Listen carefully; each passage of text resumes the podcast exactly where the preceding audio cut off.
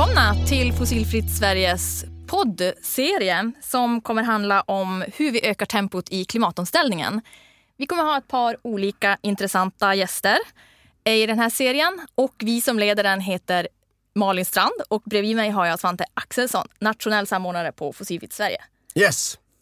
Det känns jättebra och kul att börja köra igång podd. Ja, men varför gör vi det? För att öka tempot i klimatarbetet. Alltså vi ska ju få lite insight, lite kunskap, lite lärdom om success stories och andra personers erfarenheter.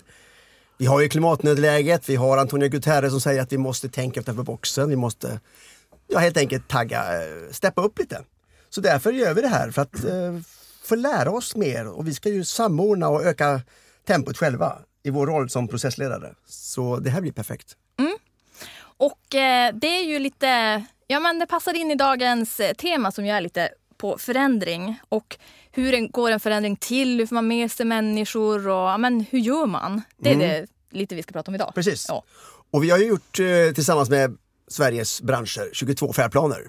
Och där har vi masterplanen hur vi ska fixa det här. Mm. Så nu ska vi gå in lite djupare och framförallt se de här företagen i branscherna som gör enorma framsteg.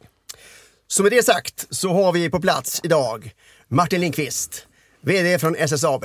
Woo, applåder! Ja, men det är fantastiskt kul att ha dig här. Eh, och jag tänker, vi sitter ju en högtidsstund att eh, du leder ett företag som har varit med och tagit fram världens första fossilfria stål. Absolut. Så med det sagt så kommer vi att gräva mycket i hur det här gick till egentligen. Mm. Då tänker jag så här, en, en intressant fråga som vi har spolat på, det är ju det här, när kände du att yes, det här tror jag på? Det här kan bli något. Det är oerhört svårt att svara på den frågan. Idén kom ju från början från vår CTO som heter Martin Pay som eh, när vi hade en diskussion egentligen. Det hela började med att vi eh, var tvungna att investera en massa pengar i Oxelösund och eh, Eh, det gör man ungefär vart 15 år så ställer man om en masugn och det kostar enormt mycket pengar. Men det vi också var tvungna att göra i Oxelösund var att bygga ett nytt koksbatteri. För det koksbatteri vi har mm. hade nått eh, mer än väl den ekonomiska livslängden. Så vi stod inför ett beslut att investera rätt många miljarder i Oxelösund. Mm. Och då började ju diskussionen kring, har vi råd att investera i gammal teknik eller ska vi försöka hitta ny teknik? Och då hade vi Eh, sen 2007, när vi köpte ett bolag som hette Ipsco, så hade vi lärt oss att producera våra stål i elektrostålugnar. Så idén var att egentligen ställa om Oxelösund med, till elektrostålugnar mm. och producera via att smälta skrot eller någonting annat. Då. Mm. Eh, och eh, I den vevan så kom också Martin Pay med idén att vi skulle prova och eh, reducera ut syret ur järnoxiden med vätgas istället för med kol. Mm.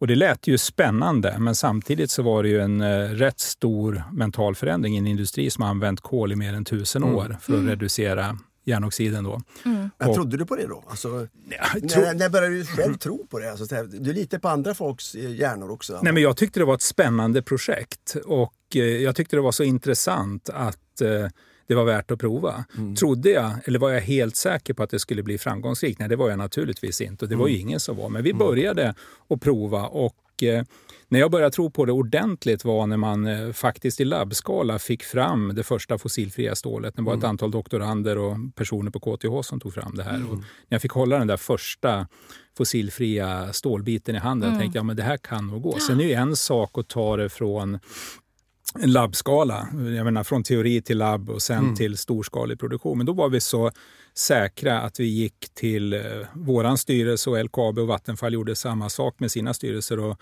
bad att få investera drygt en och en halv miljard i en pilotanläggning i Luleå. Mm. Mm. Men hur gör man då liksom rent ledarskapsmässigt när det kommer en sån här lite kanske halv-crazy idé som du ändå tror på. Samtidigt har du en stor verksamhet som också måste rulla. Hur hanterar du liksom idén och främjar hans eh, eh, idé men ändå jag har en... I, det SSAB är riktigt, riktigt duktiga på, det som vi nog sannolikt är bäst på i världen, det är liksom stål och applikationsutveckling. Och mm. flera av de här produkterna som vi är världsledande på och har varit världsledande på har ju kommit fram eh, genom bra idéer hos människor som ibland, och nu var ju inte Martin Pay en sån, men som mm. ibland har gjort saker som de inte skulle göra. Vi hade under många år patent på presshärdning till exempel, som var en teknik som utvecklades inom SSAB med folk som gjorde det de inte skulle gjort jobbet, på jobbet mm. egentligen. Och det, det, det är liksom en världsledande teknik mm. idag. Mm.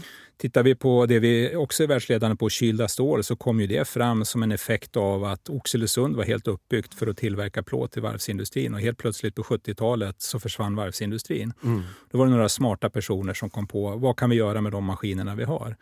Så att jag skulle säga att vi har en tradition av att komma på eh, nya saker på, mm. på ett sätt eh, som kanske inte andra stålföretag i vart fall har. Sen var ju det här något helt annat, för det var en mm. helt ny teknik. Och mm. Den har ju delvis provats förut utan framgång, men jag var ändå naiv nog att tro att det var en spännande idé. Mm. Så det är en liten sån kultur att ni har en massa tokiga idéer som också faller och som är dåliga helt enkelt, som inte kommer ut? Ja, så blir det ju alltid. Men jag menar, jag satt igår eh, med vår forsknings och utvecklingschef eh, Eva, som, som, hon kallar det här för Blue Sky Ideas. Och vi har en budget för kallar det för lite tokiga idéer okay. som, mm. som vi kan lägga lite pengar på för att testa om det är något bra.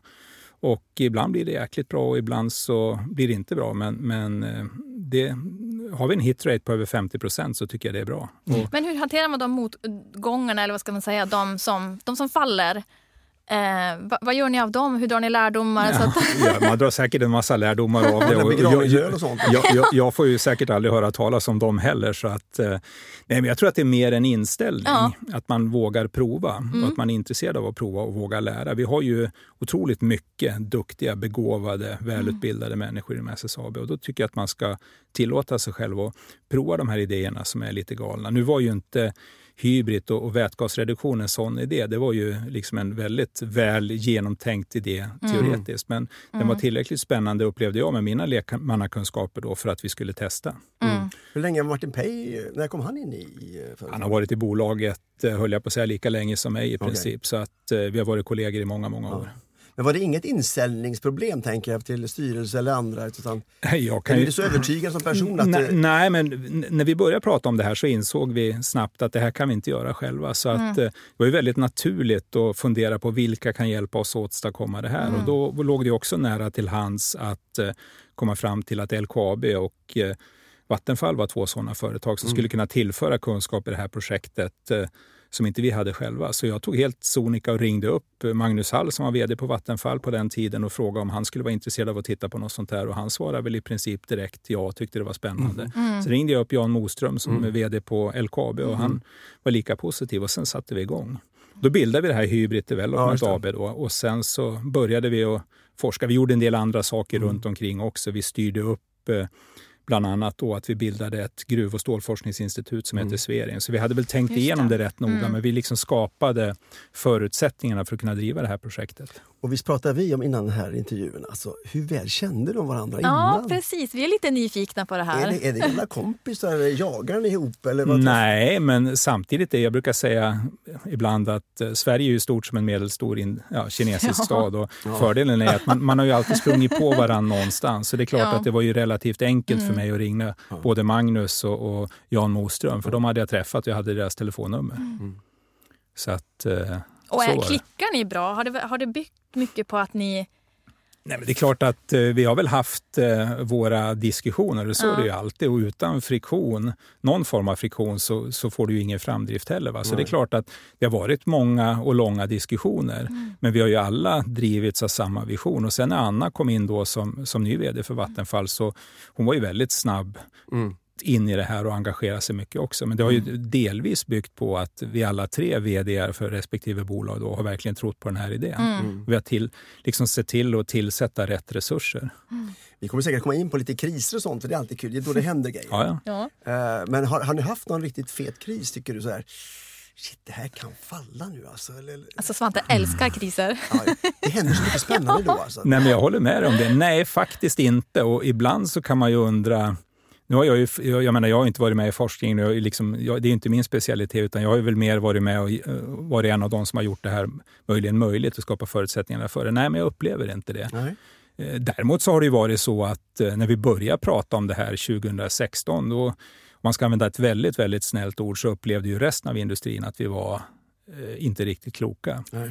När vi hade kommit lite längre och när jag var och pratade om det här i New York bland annat 2019, då tyckte de att vi var naiva Mm. och att vi hade valt helt fel väg. Och Mm. Jag träffar ju kollegor som eh, skakade på huvudet. Mm. Tittar man idag då så är det ju samma kollegor som ska göra exakt samma Mm. sak. Mm. Så att... eh, och Det var inte vågen i branschen om man säger så? Då. Nej, det var det ju inte. Och det var ju heller inte vågen i vår europeiska branschorganisation Eurofair som Mm. inte tyckte det här var rätt väg att gå heller.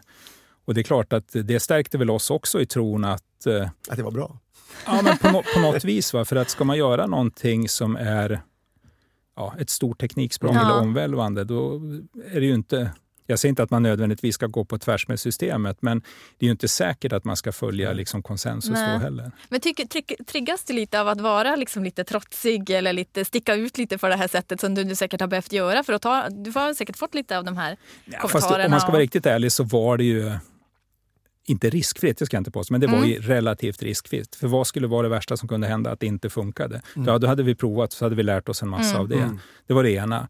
Vi riskerade ju aldrig heller omställningen av Oxelösund, för vi kunde ju alltid köra Oxelösund på skrot och så hade det varit exakt samma typer Mm. av produktion som vi hade i USA. Så Mm. jag bedömde riskerna som väldigt låga. Mm. Och sen den initiala kostnaden, ett antal forskare, ett antal resurser, ja det, är ju, det kostar pengar naturligtvis, Mm. men var i sammanhanget små pengar. Och ju säkrare vi blev och ju längre vi kom i processen, desto mer pengar kunde vi allokera till det här. Och då kändes det ju fortfarande som det var rimliga risker att hantera. Mm. Ja, jag är fortfarande ganska nyfiken på Martin alltså. Eh, dina drömmar och din historia. Man tänker, är du riskbenägen? Är du som, som Malin var inne på här, som, är du, hur mycket fakta måste du ha för att våga tro på en grej? Nej, men jag tror ju... Vi pratade, lite, vi, vi, vi pratade lite om det innan. Jag tror ju att saker och ting måste på något vis kännas rätt. Och man kan kalla det intuitioner, man kan kalla det vad som helst. Men för mig är det en kombination av erfarenhet och kunskap. Men det som var viktigt med det här projektet är ju att vi alla är vi övertygade om att det här är ett av de stora problemen vi står inför. Koldioxid är ju skadligt för miljön. Det är vi ju 99 procent av oss övertygade om, Mm. eller helt säkra på. Och eh, då kan man ju konstatera att med de mål som vi också kommit överens om i Parisavtal och sånt där, så är Mm. de inte möjliga att genomföra om inte stålindustrin gör sitt jobb. För vi står globalt för 7% av Mm. utsläppen av koldioxid. Och i Sverige, då, även om vi som SSAB är världens mest koldioxideffektiva stålproducent, så står vi för 10% av Sveriges koldioxidutsläpp. Mm. Och då betyder det att vi måste göra vårt jobb också. Och eh, jag har ju varit med i många sammanhang som en så kallad representant, eller en representant för den så kallade hard to abate industrin. Och jag har ju alltid hävdat att det är inte, vi tillhör inte hard to abate industri. Vi kan ställa om. Och det är då mina kollegor i branschen har sagt att nej, det kan vi inte och det där är liksom feltänkt.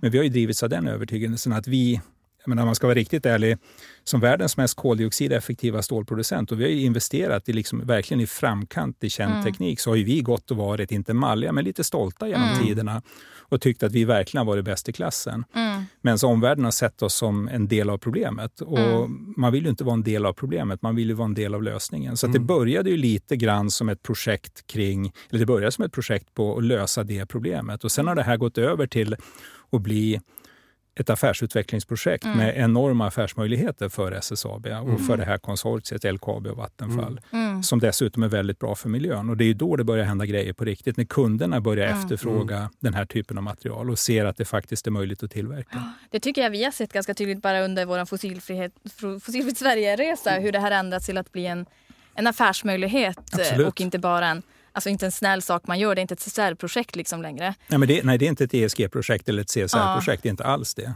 Men jag tänker hur mycket drivs du, liksom, drivs du av eh, klimathotet själv som person? Eller hur, du är ju företagsledare och det är en ekonomisk möjlighet. Hur mycket väger de här Nej, delarna men jag hos dig? drivs ju av utmaningar. Jag drivs väldigt mycket av utmaningar. Jag gillar utmaningar, jag gillar att Kriser? provas. Ja, men stålindustrin är ju... Tycker man inte om kriser ska man inte vara i stålindustrin. Och jag älskar ju stålindustrin. Du ska in i stålet Svante. precis. Så att, eh, man brukar ju liksom säga att eh, det är något gott år och sen kommer ett antal eländiga år. Och det, Ja. Jag tycker det är kul för det är då man kan göra förändring. Sen är det klart att eh, jag är som alla andra oroad av klimatet. Och där är jag ju naturligtvis väldigt påverkad av mina tre barn som eh, kanske Ja, som tillhör upp- uppenbart en annan generation, men som liksom kanske såg det här eh, lite innan jag såg det. Vad säger de då? Ja, det, vad säger de? Ja, precis. Nej, men jag har ju en... eh, Hur tuffa är de? Ja. Ja. eh, Döttrarna, Kan vi nämna är- namn?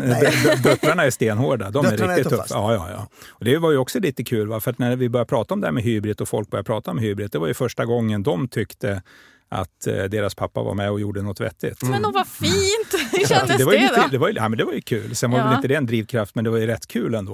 När min äldsta dotter Maja, som är en riktig tuffing, Mm. som inte tyckte att stålindustrin och SSAB var någonting man, ja det var något katten hade släpat in, Mm. men ändå började sätta sig in i projektet och tyckte att vi gjorde något bra. Men Eh, de låg på alltså? och Ni hade Nja, debatter och diskussioner? Ja, eller? vi har alltid debatter och Ja. diskussioner. Ja. Men, men eh, det är klart att eh, de är ju, jag menar, de ska ju sannolikt leva med de miljöproblem vi skapar längre än vad jag ska göra. Mm. Så det är klart att de har ju all anledning att vara ännu oroligare än vad jag är.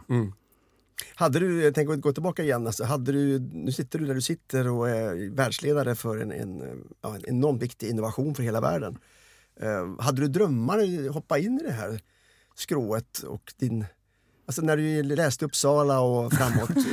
Jag ska, berätta, jag ska berätta precis hur det var. Det, Du hade en dröm? nej, nej, nej, nej, absolut inte. Nej. Utan min fru ville flytta tillbaka till Borlänge. Ja. Och så var det ett jobb ledigt på SSAB i Borlänge som ekonomidirektör som hon tyckte att jag skulle söka. Och jag var väl inte så där jättepigg på att söka det. Nej. Men så åkte jag i alla fall upp då för husfridens skull. Och eh, sen när jag kom in och såg Bredbandverket så var det för mig som en, ja, det var som en förälskelse. Jag bara Ja. liksom stod där på bryggan och såg de här enorma maskinerna, de här enorma verksamheterna. Tänkte här ska jag jobba. Och Mm. Jag var säkert en av flera kandidater till det där jobbet. Men till slut så fick jag det och på den vägen är det. Mm. Så De jag inte- fattade din förälskelse, de såg det i blicken. Nej, det tror jag inte. Då hade de inte anställt mig. Utan- Men för mig var det en häftig Men upplevelse. är du känslodriven? Är du stark? eh, Du, har, är, är ditt, ditt driv där? Är, har du någon slags stark känsla när du tror på saker? Ja, men det har jag. Om jag tror på någonting så har jag en väldigt stark drivkraft. Ja. Det, det har jag. Och för, men för mig var det där mer... Jag kommer ju från en helt annan industri. Jag kommer från byggindustrin. Ja. Och för mig var det där så påtagligt och så eh, maffigt rent Mm. ut sagt att jag kände att ja, men här vill jag jobba. Känner du fortfarande den känslan när du kommer in? Absolut. Ja. men det är det bästa jag vet. Och framför allt, jag började i Borlänge och jag hade förmånen också få vara divisionschef för eh, det som hette Tumplåt på den tiden, där Mm. Borlänge och Luleå ingick. Och det är klart att jag har svärföräldrarna kvar, eller svärfar kvar i alla fall uppe i Borlänge. Och varje gång jag kommer på 70 där och ser det som kallas i folkmun pyjamashuset då, Mm. SSAB, blå, ran, vitrandiga industrihuset där på SSABs tomt, så det är klart att jag känner mig jäkligt stolt. Ja. Eh, det har ju gått ovanligt bra det låter det som att det är liksom, eh, inte så hög risk som vi kanske trodde och Jo. det har sålts in så här. Men det jag tänkte på återigen, kriser. Du blir branschorganisationen i Bryssel. Hur var det med det? Blev du utkastad därifrån eller? Ja, Hur ska man uttrycka det? Nå, de hade väl ingen större intresse att ha kvar mig i styrelsen, så var det. Ja. Är det, alltså, är branscherna i Bryssel, är det per definition väldigt konservativt? Eller? Nej, det skulle jag inte vilja påstå, men jag skulle vilja ändå sträcka mig till att säga att eh, Eurofair har varit i alla fall i den här frågan rätt konservativa, absolut. Och var det socialt eh, jobbigt eller var det, kände du av i rummet att eh, Nej, det ska, det ska jag inte påstå. Nej. Jag tyckte snarare det var rätt kul när ArcelorMittal och andra talade om för mig att vi var på fel väg. Mm. då Eh, triggas du? Nja, ja, ja, jo. ja, där fick vi fram det Det är ändå. någonting där. ändå, Ja. Alltså är det för lätt så, så, så, så då taggar inte det upp utan det ska vara lite... Nej, men jag tror att man måste drivas av en övertygelse om vad, vad som är rätt och vad som är fel. Och Sen kan man ju fundera på hur man kommer fram till de övertygelserna. Men det här tror jag är så rätt så att det var värt att prova. Och då är det värt att lägga resurser på det. Och Sen var det inte min idé. Men det jag kan bidra med är att åtminstone internt skapa lite resurser för att göra det här möjligt. Det var Martin Peys idé från början till slut. Och han har ju varit instrumental i det här. Utan Martin Pey så hade vi inte gjort det här. Mm. Eh, Så att mitt, mitt bidrag till det hela är ju det lilla. Men det är intressant också tänker jag, på, som du nämnde här, hur, hur agerade, det var ju lite nästan hånskratt när artikeln kom ut kanske när ni tre skulle köra hybrid. Absolut. Eh, näringslivets kultur i Sverige då, liksom, blir man, får man ryggdunk eller blir man liksom, ah, vad håller du på med? Vad är det för stämning bland näringslivsledare? Jag kan inte minnas att det var någon som sa egentligen någonting. Nej, okej. Så att, eh, Är det ett eh, signal i sig att det är tyst? Nej, det tror jag inte. Det beror Nej. nog kanske mer på mitt dåliga minne. Så, jag vet det, inte. det, jag tänker liksom, är, man, är man positiv, jag vet, Peter Karlsson kan prata ibland, att han också har gjort en ganska tuff resa. Och, Nej, men jag tror alltså, att, hur jag tror hur att mycket supportar man eh, jag, jag, tokiga idéer? nej, men jag, jag tror att man kanske tänkte från början att det var greenwashing. Okej. Och att det var någonting som stålindustrin eller SSAB kände sig tvungna att sälja. Och det var, säga, och det var det ju inte, utan det var ju en idé. Sen, sen börja, började det nog, som jag försökte beskriva i början, där, som, som en tanke kring att eh, det är dåligt att släppa ut koldioxid och kommer och borde bli dyrare att släppa ut koldioxid. Vi måste lösa liksom, eh, rotorsaken till koldioxid.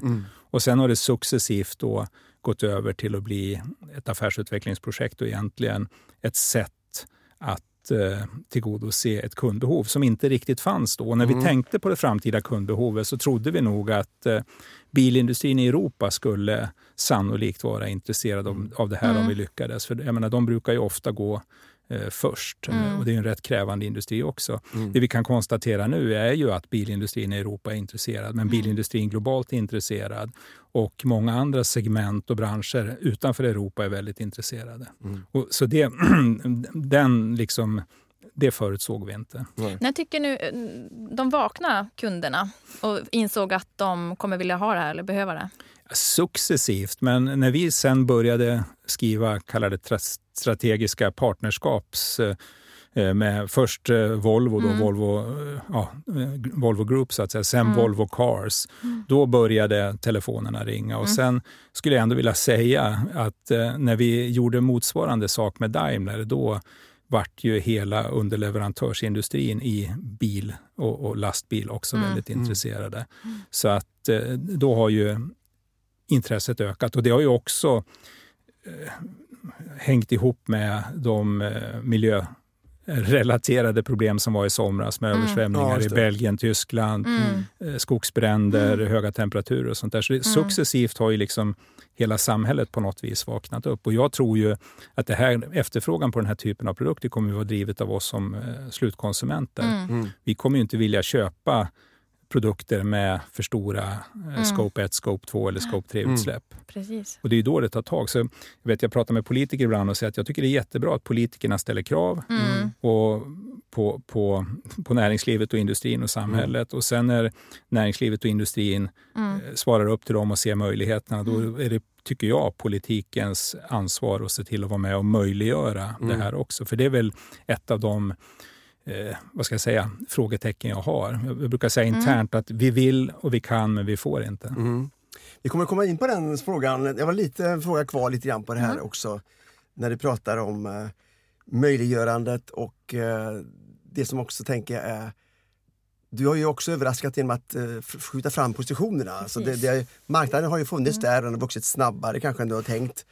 Men sen fick vi höra ett rykte av att ah, nu har Martin Lindqvist eh, dratt fram mållinjen alltså tio år tidigare än det var tänkt. Eh, vad var det ett rykte du fick där någon gång? Eller vad var det? för- Nej, men vi har nog successivt flyttat eh, fram målsnöret när vi har sett att det här har varit möjligt att göra. Från början var ju tänkt att ställa om Oxelösund lite senare än, än vad vi det nu facto gör. Och vi skulle, om jag ska vara riktigt ärlig, kunna göra det faktiskt ännu lite snabbare. Men det är ju saker då som behöver falla på plats som ligger utanför vår kontroll. Det är ju eh, miljötillstånd, vilket jag är mindre oroad för, men det är framför allt kraftöverföring. För det här, det här bygger ju på att vi går ifrån kol som energi. Eh, Energimängden, energibehovet kommer ju vara konstant, men vi går ju över från kol till fossilfri el. Och det är klart att då finns det ledtider när det gäller att få kraftöverföring.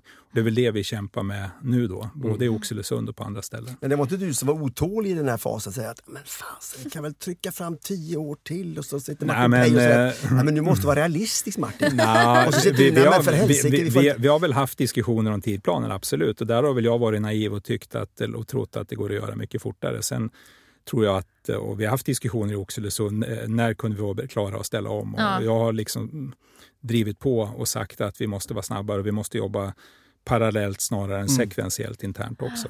Men det Hur gör du rent liksom internt då för att få med de här och tänka att jo, men det kanske ändå är möjligt fast vi inte trodde det tidigare? Eller ja, vi ska göra vad vi... Alltså, hur, hur gör du? Nej, Det blev inte. väl ändå tidigare? Det blev ju Absolut blev det tidigare. Mm. Eh, Får vi hoppas nu då, om vi får eh, elkablar och allting Just på det. plats så blir det tidigare än vad Mm. tänkt från början. Nej, men jag tror återigen alltså att man måste kunna jobba med vissa saker parallellt eh, snarare än sekventiellt. Mm. Då. Sen tror jag också att man, det är väldigt viktigt att tro på någonting och sen kan man ju bestämma sig då, tror jag, min personliga filosofi, att antingen så om man nu tycker det är väldigt slarvigt, är man problemorienterad eller också är man lösningsorienterad. Mm. Och då löser man problemen vartefter de uppstår. Och det är klart att det har varit mycket problem och mycket utmaningar Mm. under resans gång. Men då Mm. får man ju försöka lösa det istället för, det, för att bestämma sig från början att det inte går. Men när ni, när ni tidigare la, var för två år sedan typ, då var det ni, ni visste inte exakt hur det skulle gå till men ni tänkte det är nog, det är nog rimligt och vi löser problemen längs vägen. Ja, ungefär så, Ja. lite slarvigt uttryckt. Och då har du magkänslan att det går att, att, att så här stretcha den här tidslinjen ytterligare några snäpp. Ja. Ja, men så länge inte någon säger emot med väldigt bärande argument så kommer jag ju tro det.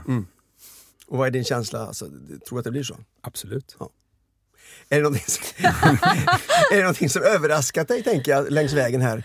Eh, min bild, om jag tar en, bara en spaning jag kände sådär. SSAB tyckte jag var ute och sa att vi behöver nog pengar under driftstiden. Det blir ganska tufft att sälja det här 25% dyrare stålet. Och sen har den retoriken klingat av mer och mer. Ja, den är helt borta skulle jag vilja säga. Ja, och men visst var det så i början? Att det var Absolut, Ja, absolut var det så. jag- Ja, men då ville vi ha riskdelning och lite annat. Va? Sen, sen är väl SSAB är ju ett annat skick idag än vad vi var för ett antal år sedan med väldigt stark balansräkning, väldigt bra operativa nyckeltal och sånt där. Så det har väl också Så ni är lite självsäkrare också? Ja, men vi, framförallt så är vi också säkra på tekniken. Och jag menar, det är väl ett av mina stora liksom, problem just nu. då. Eh, att eh, vi klarar av att göra det här själva och vi har möjligheter att göra det själva. Vi har kunderna med oss, vi har balansräkning till att göra det och allting sånt där. Va? När våra konkurrenter nu, utan att nämna några, säger att de också ska göra det här så säger de ju, om vi tar ett stort eh, stålföretag som ska, började gick ut och sa att man ska göra det här i Spanien och så det skulle kosta ett antal miljarder.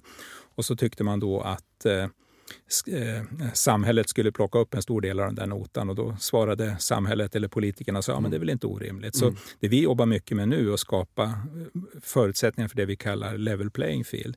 Jag tror inte alls att det här ska subventioneras. Jag tror att industrin ska göra det här själva. Och det är klart att om våra konkurrenter får en massa statsbidrag i någon en eller annan form så är ju inte det bra för oss, för då kommer vi att tappa konkurrenskraft. Vi vill inte ha det, men vi vill att alla ska ha samma förutsättningar. För nu har vi visat att det här går Mm. och då tycker vi att industrin ska göra det. Och det är en eh, växande insikt som har kommit att ni, ni känner att marknaden, ni, du känns, det känns som att den bild du ger att det, det, det ringer och det, det bankar Nej, men det är ju en växande insikt såklart i samband också med att vi har visat att det här för oss själva, att det är möjligt. Och då börjar kunderna tro på det, kunderna börjar utry- eh, efterfråga det. Och det är en utveckling i samhället i stort som gör att vi blir mer och mer säkra på att vi är på rätt väg. Men jag, man pratar mycket, tycker jag nu, nya modeordet värdekedja. Bygger det på att ni har en så tajt värdekedja och ni har de Ja, här men det som är unikt med det vi Ja. gör ihop med LKAB och Vattenfall det är ju att vi tillverkar ju inte bara fossilfritt stål eh, i Mm. den här gruppen utan vi tillhandahåller en helt fossilfri värdekedja. Om man ska Mm. uttrycka sig väldigt slarvigt då, från järnmalmen ligger upp i backen i norra Sverige Mm. till färdig produkt. Då. Och det var därför det var så viktigt att få med Volvo också. Mm. Då kan vi leverera en helt fossilfri värdekedja, helt utan scope-free Mm. utsläpp. Och, och tillbaka till eh, Daimler då, eh, som jag nämnde som en av parterna. De, de sätter ju nu, de gick ju samma veva ut och ställer krav på sina underleverantörer också, vad de accepterar för några utsläpp per kilo stål. Och så trappar den ner då till noll 2035. Mm. Men jag tänker att nu, när ni har med kunderna Volvo och Daimler de här, vad är det för insikter som ni har gjort här som inte det här typ spanska då, företaget till exempel har gjort? Har de ingen värdekedja med sig? Har de inga... Absolut, men kunder? de har, ska man vara ärlig och säga, inte samma förutsättningar. Det här bygger ju på att vi råkar ligga i rätt del av världen också, där vi idag och förhoppningsvis i framtiden också har ett överskott på fossilfri el. Vi har ingenjörskunnandet. Vi har eh, också den utmärkta råvaran. Så att ska man göra det här någonstans då ska man, i Europa så ska man göra det i norra Sverige och norra Finland. Men om man ser liksom att det, succén är ju redan eh, där, att många härmar ju er redan. Och det verkar ju sprida sig globalt, vilket ju var själva poängen. Tekniken sprids.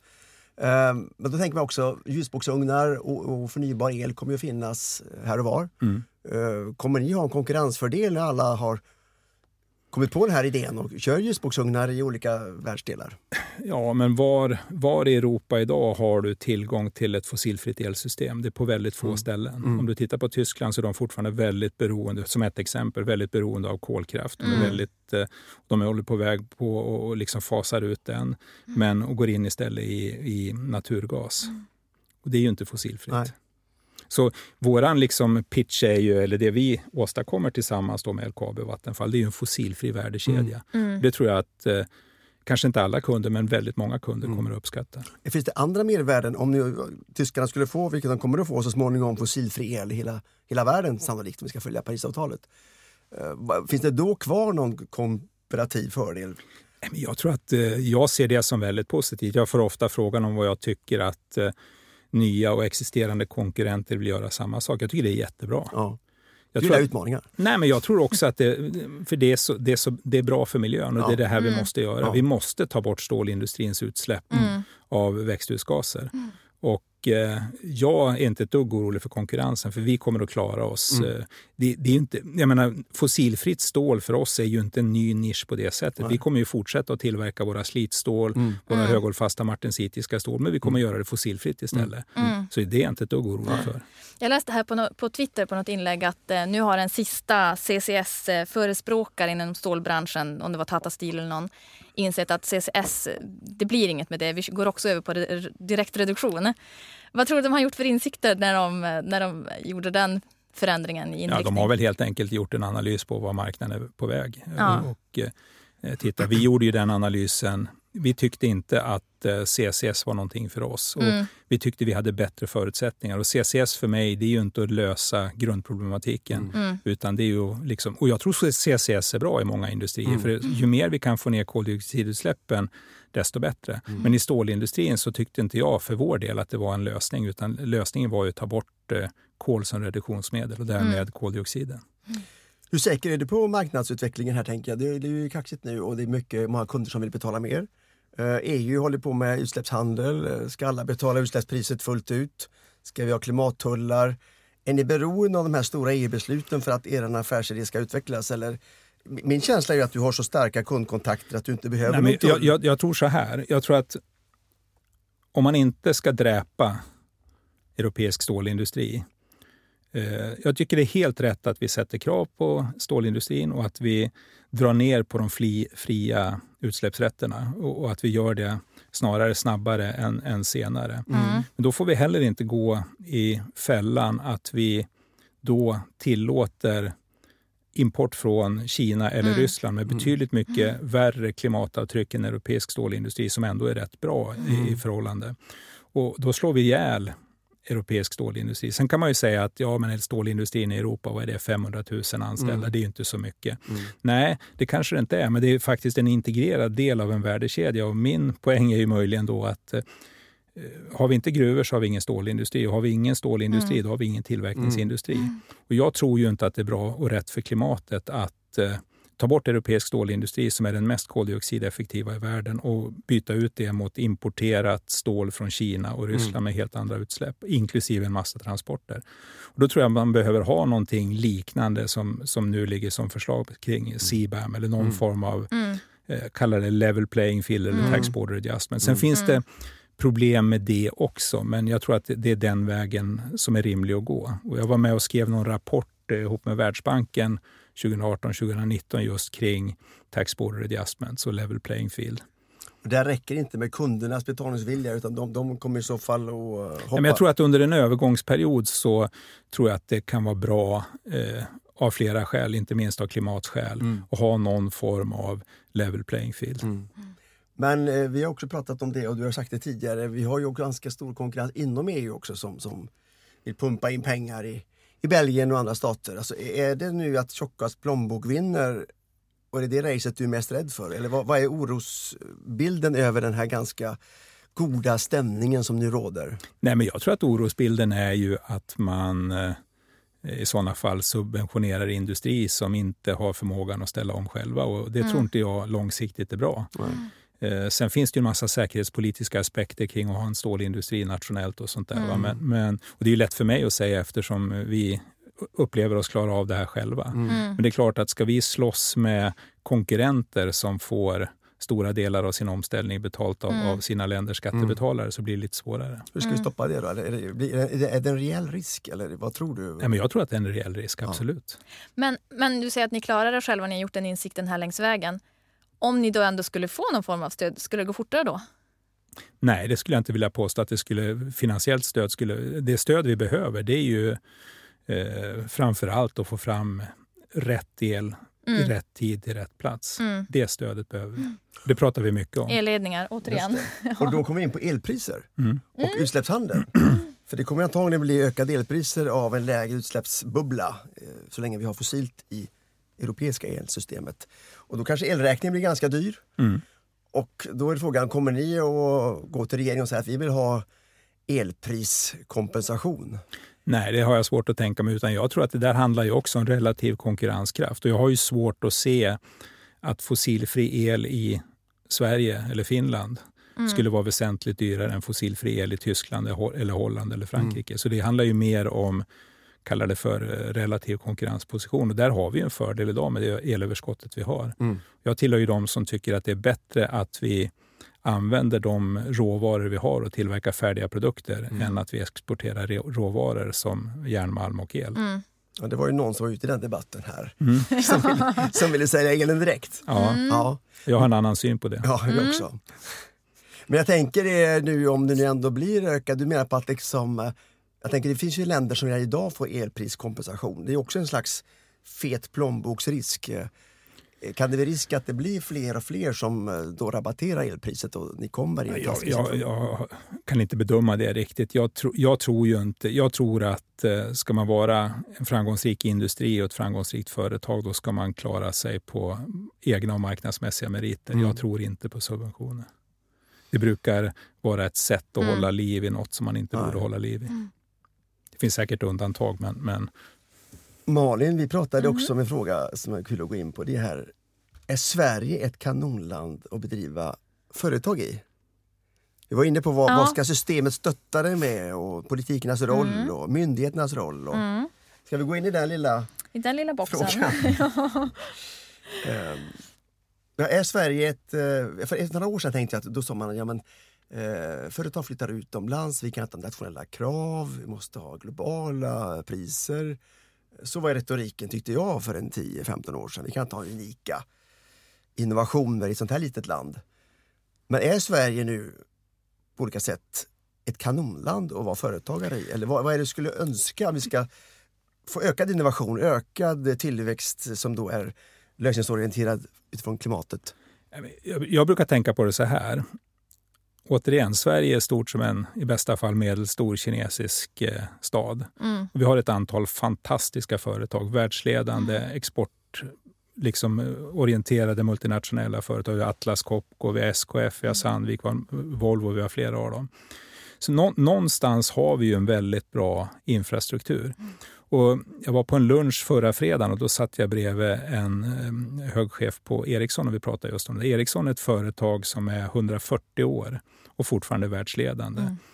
Eh, vi har flera sådana exempel med eh, gamla fina företag mm. som fortsatt är världsledande, som klarar av det här med, med innovation. Mm. sen har vi ett antal nya bolag som Klarna och Spotify som också är världsledande. Så på något sätt så har vi ju byggt en infrastruktur i Sverige på att ta fram innovativa produkter. Och jag tror mm. att det är en kombination av eh, ingenjörskunnande, utbildning, hur vi jobbar mm. Med, mm. med institutioner och institut, forskningsinstitut och sånt där. Och jag tycker det är väldigt positivt att vi ibland då tycker att det finns stora förbättringsmöjligheter i utbildningssystemet. Men uppenbarligen är det ju någonting som funkar. Annars så skulle ju Ericsson i det här fallet då inte fortsätta vara världsledande efter 140 år och vi skulle inte ha de här nya mm. världsledande spännande företagen heller. Så på något vis, utan att jag kan peka på några enskilda saker, så har vi ju skapat någon slags infrastruktur mm. mm. kring och, jobba med innovationer och ta fram nya produkter som efterfrågas globalt. Ja, och nu lyfter du ju mycket företagens roll och utbildning och sådär. Men hur ser du på samverkan med politiken, med myndigheter? Hur tycker du den biten funkar i Sverige? Nej, men jag tycker det funkar rätt bra. Sen eh, finns det ju alltid saker som kan göras bättre. Och jag menar, mitt perspektiv är ju rätt ensidigt. Då. Det är ju från, från, från industrin och från stålindustrins mm. sida. Det är klart att det finns ju aldrig några processer som är så bra att man kan slå sig till ro och säga att här finns ingenting att förbättra. Mm. Men i grunden tycker jag det funkar bra. Jag tycker vi har byggt upp ett system då där vi jobbar med, mellan företag, eh, med forskningsinstitut, med universitet och högskolor och liksom mm. skapat en infrastruktur som, som har, så här långt i alla fall, servat oss väl. Mm. Men vad är nästa då? Mm. Om man tänker hinderröjning här, öka tempot. Vad kan staten och myndigheter göra? Nej, men jag tror att, innan, innan nej, men jag, Finland som den stora ja, men Jag tror så här. Jag tror, jag tror, att det är bra att det politiska systemet ställer krav på företagen. Och som vi var inne lite på, när, när, företagen då börjar leva upp till kraven, då behöver det politiska systemet vara med och, skapa möjligheterna. Mm. mm gå från kravställare till att inte bara vara kravställare utan vara möjliggörare mm. också. Och där tror jag vi kan förbättra saker. Och återigen, eh, jag varit ju väldigt glad över den där delar av den där debattartikeln som var i Dagens Industri häromveckan kring när, när det var väl Svenska kraftnät och mm. Energimarknadsinspektionen ja. som pratade ja. om att göra saker parallellt istället ja. för sekventiellt ja. och korta ledtider. Jag tror att vi kan där, utan att det blir rättsosäkert på något vis, för det ska det naturligtvis inte vara, men mm. ändå hjälpas åt och låta alla goda krafter samverka mm. Mm. och skapa möjligheter. Ja, den var riktigt bra. Då gick de ut och sa att vi ska hjälpas åt att eh, halvera tillståndstiderna. Vilka vill vara med? Så det kändes verkligen som ett ja, Idag kan där. du få, få tillstånd för att dra en elkabel ja. och få den på plats kan ju ta 8 till 12 år. Ja, det är precis. klart att det är för lång tid. Mm. Om vi är överens om problemställningen från början, att vi har ett problem som vi måste lösa, då mm. måste vi också hjälpas åt att skapa förutsättningar för att lösa problemet. Mm. Men är det inte så att den här liksom, eh, samverkansmodellen, eller vad man ska kalla det för, runt Hybrid med industrikliv och de här äh, myndighetssamarbetena med, med politiken. Det känns så lite småhyllad. Tycker du att det tycker, är det här jag, en success story på, på samverkansmodell? men jag tycker det är en väldigt bra mm. samverkansmodell mm. där ett antal företag går ihop. Då, där Eh, politiken hjälper till, där myndigheter mm. hjälper till. Och jag tror att det är så vi måste jobba. Mm. Och som jag var inne på lite tidigare, jag menar, SSAB hade inte kunnat gjort det här helt själva. Det hade varit mm. helt omöjligt utan Vattenfall och LKAB. Men vi tre mm. tillsammans kunde göra det. Mm. Med support från politiken, med support från myndigheter. Sen finns det alltid saker att förbättra och saker som man skulle önska mm. gick fortare. Men, som vad då? Ja, men det här vi pratade om, ställtiderna för att få fram ja. en elkabel till ja, okay. exempel. Elkabel. Och sådana saker. Miljötillstånd. Eh, men, det jobbas ju med det. Ja. Mm. Har du tät kontakt med ministrarna? Eh, har du deras mobilnummer? ja, en del av dem. har du det? Ja. Men är, tillbaka till frågan, är då Sverige en ganska bra plats att vara företagare i? Och, ja, men det tycker jag. Ja. Det tycker jag. Och de instrument som ju finns i Industrikliv och annat, har de varit viktiga för er? I, absolut. Ja. absolut. Och nu är det tillståndsprocesserna och den här tempoökningen som är den sista ja. ja men det tycker jag. Och där, där, tycker jag också att det finns samsyn mellan myndigheter, politik och företag. Mm. Eh, jag tror att man eh, vi möjligen famlar oss lite fram till exakt hur ska vi göra det. Och man får ju vara lite försiktig för det. Jag menar, alla processer ska ju vara rättssäkra naturligtvis. Mm. Och jag kan ju förstå Precis. också folk som inte, eh, rent emotionellt kan jag förstå folk som inte vill ha en kraftledningsgata, går mm. över sin mark och mm. sånt där. Men man måste ju hantera det på ett klokt sätt. Mm. Ja, vad mycket spännande för att höra här tycker ja. jag. Um, du är, alltså, det känns ju kul att snacka med dig. Alltså, dels känner jag att det här, det här liksom, inget är omöjligt och den inställningen har ju visat att allt är möjligt. Uh, och den här framgången i att liksom leverera världens första fossilfria stål. Jag tänker, är det någonting som har överraskat dig i den här processen? Eh, och kan vi dra lärdom i Fossilfritt Sverige? Vi springer ju mellan näringslivet och politiken, försöker undanröja hinder, öka tempot. Ni var ju först ut med första färdplanen. Det var enormt kul för då sa vi att om stålet kan, kan alla. För ni var den svåraste bastionen och gick ut först. Nej, så att frågan är, har det, är det någonting du kan tänka sig bjuda på som att men det här har jag lärt mig nu, det här trodde jag inte, det här skulle man kunna Ja, men i, gru I grunden så tror jag att det som möjligen har överraskat mig lite det är ju hur rätt vi kom i tiden. Mm. Hur vi, när, vi, när Martin Pej började tänka på det här så var det ju inte det låter som det var länge sedan, men det var inte så länge sedan, Nej. fem år sedan. Men det ja. var ett annat klimat då mm. kring den här typen av frågor. Och där hade vi väl liksom tur då. Mm. Och sen har ju intresset ökat. Så om det är någonting som har överraskat mig lite som jag inte tänkte på då, det var Dels var det eh, hur stort intresset skulle vara när vi mm. började närma oss mm. och från vilka marknader och vilka mm. kunder och vilka segment det skulle vara. Som mm. jag sa, jag trodde möjligen ja, bilindustrin i Europa ja. verkar väl rimligt. Jag trodde inte att Caterpillar i USA eller såna här skulle vara superintresserade. Mm. Men, men det, eh, där, där hade jag fel. Eh, sen tror jag också att ju mer vi har jobbat med det här projektet så ser vi också att vi löser en hel del problem som vi inte trodde att vi skulle eller som vi inte ens var medvetna om. Va? Nej. Eh, sen är det så också att det har varit en svår resa och det låter ju som att det gick snörätt och det var hur enkelt som helst. Mm. Det var det ju inte. Nej. Men det låter så. Ja, men så, Mm. så var det ju inte om man har insyn i det. Utan det har ju varit en väldigt svår process. Och det, är Mm. inte, det, det låter liksom, om man, ti- om man kan sitt periodiska system så kan man ju enkelt göra en formel och räkna ut att ja, det funkar lika bra med vätgas som med kol. Mm. Men det är helt andra processparametrar, det är helt Mm. andra typer av tillverkning och det där måste man testa sig fram till. Mm. Och, och ha skickliga människor som håller på med, vilket vi har haft förmånen att få göra. Men vi Mm. har ju haft väldigt mycket folk som har jobbat med det här. Mm. På Sverim, på LKAB, på SSAB, på Vattenfall, på KTH, på Mm. Uleåborgs tekniska universitet, Mm. på Luleå tekniska universitet. Om man tänker sig överraskningen då fram till nu, vad, vad kan hända bakom hörnet? Ser du liksom att det, om du siar lite grann, det går fortare än jag har tänkt, det har gått lite bättre kanske än du hade tänkt. Eh, vad finns det för överraskningar som kan dyka upp tror du som är också positiva? Ja. Nej, men jag tror så här att eh, det här kommer i slutändan att vara konsumentdrivet och det är hur vi som konsumenter agerar när vi köper bilar eller vad vi nu Mm. köper och vilka krav vi ställer på eh, leverantörerna av de, Mm. av, Mm. av de produkterna som kommer att driva det här. Och där tror jag återigen, alltså som vi pratade lite om, att allt som händer med klimatet och, och oron för klimatet och vart vi är på Mm. väg kommer att driva den här riktningen. Men är det konsumentmakt? Tänker? Är det inte en slags kapitalistisk planekonomi i någon mening att man de bestämmer sig bara, Volvo. De frågar ju inte mig om att jag ska ha fossilfria bilar utan de verkar leverera bara fossilfria bilar och även Unilever bestämmer sig cirkulär plast. Alltså de stora bolagen verkar tyckas... Nej, men jag, jag brukar tänka ringer för ju mig själv. mig. Min, min fru ska byta bil nu. Ska de? Mm, vad blir det? Och ja, hon har ju bestämt sig att hon ska ha en elbil och den är ju Jaså. mycket dyrare än en bensinbil eller en dieselbil. Mm. Men det spelar ingen roll, hon ska ha en elbil, vilket Mm. jag i och för sig tycker är rätt. Då. Men, Mm. Så jag tror att det är ju den typen av konsumentbeteende som kommer driva den här utvecklingen. Eh, och det är då jag tror att det blir riktigt, riktigt starkt. Men det finns väl inte någon som här säljer, eh, typ Volvo kommer inte ha några bilar som har fossilstål och sen har några... Ja, förhoppningsvis inte. Nej. Utan det är allt eller inget. Ja, men det tror jag successivt och det tror, menar jag på, det kommer ju vara konsumentdrivet. För du, kommer, du Svante kommer inte vilja köpa en bil Mm. Nej, som eh, en dieselbil med, tillverkat av Nej. stål importerat från Kina som släpper Nej. ut 2,4 Nej. kilo Mm. koldioxid Mm. per ton stål. Om du kan köpa en eh, Volvo med, Mm. helt fossil, med, med liksom noll Mm. utsläpp, scope 1, scope 2, scope 3. Och är det inte det, alltså jag tycker jag hör ett antal eh, företagsledare prata om att den här science-based target, alltså man bestämmer ju själv att jag ska ner till noll där, jag tänker ta ansvar för alla skopen hit och dit.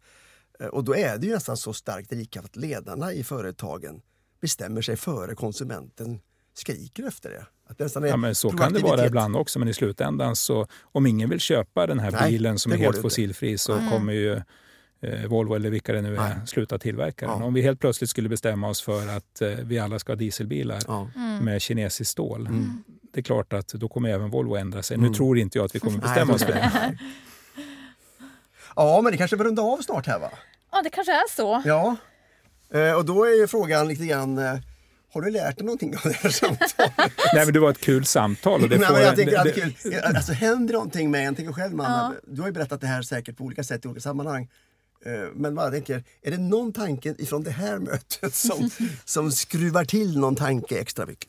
Nej, det enda jag kan konstatera är att eh, jag är inte sån som person som tänker tillbaka och tittar tillbaka så mycket. Så att det är klart, nu har jag fått eh, chansen och fått lite frågor att tänka på hur det var. Men Mm.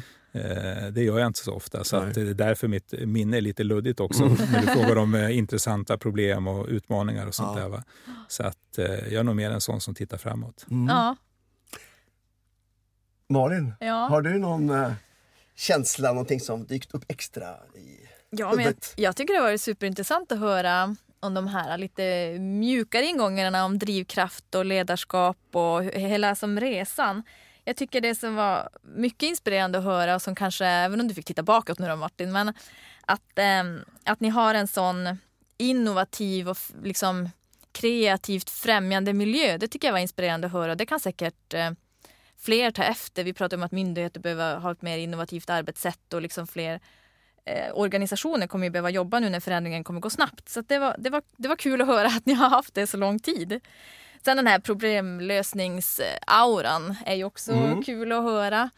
Eh, att den är så stark. Sen tycker jag det framstår ju lite som en, som en rak linje, men nu sa jag på slutet att det, var, ja, det har, det har varit en uppstått rak problem. linje och det var enorma Ja. utmaningar. Det är klart, hade ni frågat mig eh, för två år sedan om Mm. jag kunde betta på att det här skulle lyckas, då hade jag varit, eh, ja, inte tveksam, men jag hade liksom, det var långt ifrån säkert. Men det, man lär sig också Ja. under resans gång. Ja. Och det jag tycker är viktigt ändå är ju att eh, alla problem som dyker upp eh, har organisationen och folket som har jobbat med man hittar lösningar på det. Mm. Och det har varit stunder när vi har tänkt att nej, men det här kommer inte att gå. Mm. Och så har man väl eh, då varit depp över det en kort stund och sen har man gått på det igen och så har man löst problemen. Ja, Och så blir det ju när man sätter ihop duktiga människor som har en idé och tror på Ja. någonting och, och verkligen jobbar för att lösa. Det är ju det är folk som har jobbat nätter, helger. Mm. Men om du tar Martin Pej, han har levt med det här i fem år. Om du Ja. tar allt från forskare på KTH Ja. till Sverim till folk på LKAB som, ja. som liksom, det har varit deras mission. Ja. Och de har lagt ner enormt med tid.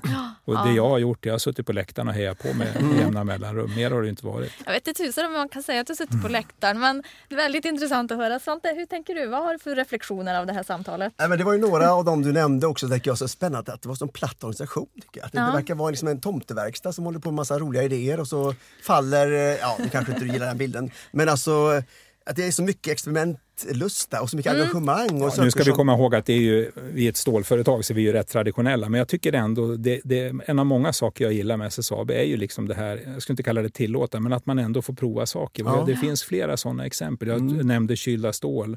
Det finns andra spännande projekt vi håller på med som, som vi ändå Mm. lägger pengar på och låter folk testa. Mm, det Det tror jag också skapar, Mm. det skapar drivkraft och det Mm. skapar liksom intresse hos folk. Och Mm. Det ska man ju inte heller sticka stå, under stol med. Jag menar, idag eh, så har ju vi väldigt lätt att rekrytera folk och framförallt yngre människor. För, Mm. och varje gång jag frågar, ibland när man blir lite förvånad, det kommer liksom otroligt duktiga, begåvade människor och vill jobba på SSAB, brukar jag fråga liksom, ja, men varför? Ja, men jag Mm. vill vara med och göra skillnad på riktigt. Ja, det här det är är ett av de häftigt, stora alltså. problemen, det här vill jag vara med på. Mm. Så Ja, nej, men det var väl en sån. Och sen den andra tycker jag också var intressant ändå att du hade ganska skön känsla i att Sverige har goda förutsättningar. Vi har bra, lagom stort land kanske, bra personkontakter. eh, Ganska lyhörd politik. eh, Vi har ett antal hinder men eh, det känns vi har ändå som att det... framförallt eh, sedan många, många år ett enormt ingenjörskunnande Ja. Mm. med väldigt mycket duktiga människor. Mm. Sen tror jag inte man ska underskatta Martins roll själv här. Eh, killen som är lösningsorienterad Mm. och som gillar utmaningar och uppförsbackar. och då går han igång. Så att Ja, det, det är bra att veta framöver hur vi ska hantera dig. Alltså, Precis. Ja, precis. Riktigt feta utmaningar, då, då går du igång helt enkelt. Ja, men det är lite roligare än att bara... Eh, det är roligare att segla kryssen undan vind. Ja. ja. Stort tack för det Martin! Tack så jättemycket! Tack själva.